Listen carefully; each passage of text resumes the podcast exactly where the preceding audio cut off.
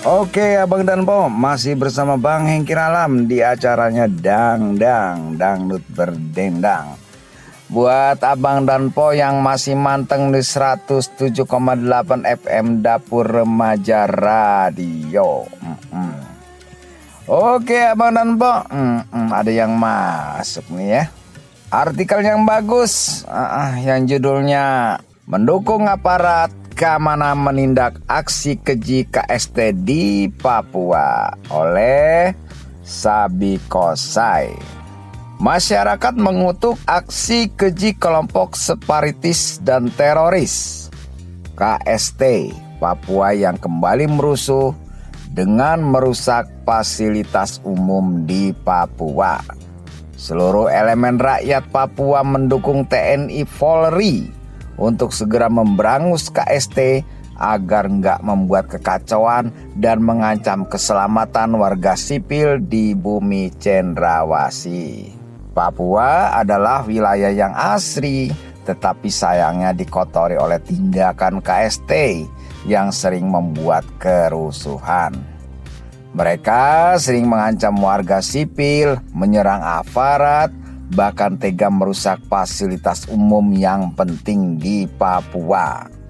Kejahatan yang terus berulang ini memang mengesalkan karena mereka melakukan tindakan yang merugikan negara sekaligus rakyatnya. Tanggal 14 September 2021, KST membakar fasilitas umum berupa bangunan SD dan SMP, rumah guru, puskesmas, perumahan nakes, serta balai kampung di distrik Oheka, Kabupaten Bintang. Hal ini diungkapkan oleh Kabit Humas Polda Papua, Kombes Ahmad Mustafa Kamal. Belum ada berita lagi apakah ada korban jiwa pada peristiwa tersebut, karena kemungkinan para murid masih sekolah di rumah.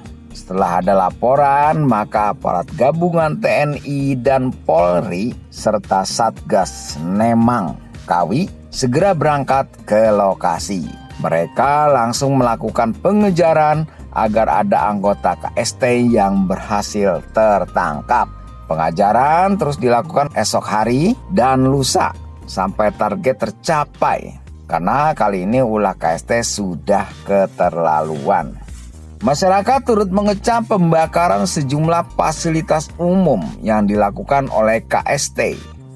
Pertama, peristiwa ini tentu merugikan secara material, sehingga Pemda Papua lah yang merugi karena harus membangunnya lagi dan masa pembuatan gedung juga nggak sebentar.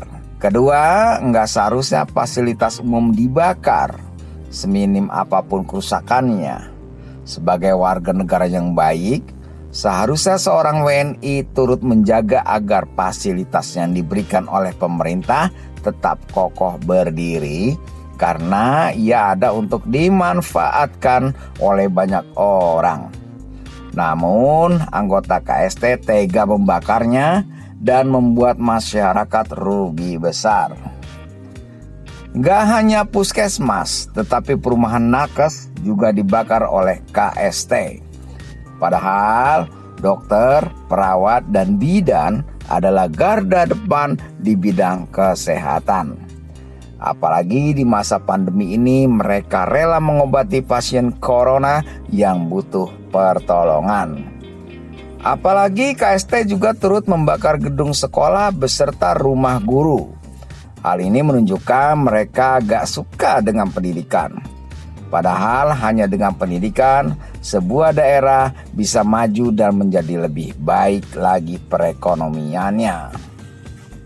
KST akan terus dikejar hingga ke markasnya, agar jangan sampai mereka membuat kerusuhan dan kebakaran. Pasalnya, bukan kali ini saja mereka berulah, karena pada bulan Mei 2021 lalu mereka juga membakar fasilitas umum di daerah Biak. Vandalisme ini gak bisa dibiarkan karena merugikan negara dan masyarakat umum. Penulis adalah mahasiswa Papua tinggal di Yogyakarta. Oke, Abang dan Pos, sebuah artikel yang bagus yang udah Bang Hengkir bacakan pada acara Dangdang Dangdut Berdendang di kesempatan hari ini. Pandemi memang masih menyelimuti, namun tidak lantas menghentikan ikhtiar yang akan memberi arti bagi Ibu Pertiwi, bagi masyarakat Jawa Barat yang tetap menanti. DPRD Provinsi Jawa Barat, setiap sendi di tubuhnya terus bergerak menyerap aspirasi rakyat. Mengartikulasikan kehendak rakyat, setiap anggota, fraksi, komisi, badan dan tentunya pimpinan terus berakselerasi di tengah segala keterbatasan yang terjadi. Lihatlah, program vaksinasi terus didorong. Sejumlah rancangan peraturan daerah terus dibahas. Cermati bagaimana pemekaran wilayah Jawa Barat dibahas bersama Gubernur Jawa Barat. Demikian pun penanganan masalah sampah terkait rencana TPPAS Legok Nangka tak luput ikut dikebut. Itu hanya sebagian dari beribu hal yang dikerjakan. Untukmu rakyat Jawa Barat. Untukmu Provinsi Jawa Barat. Persembahan Humas DPRD Provinsi Jawa Barat.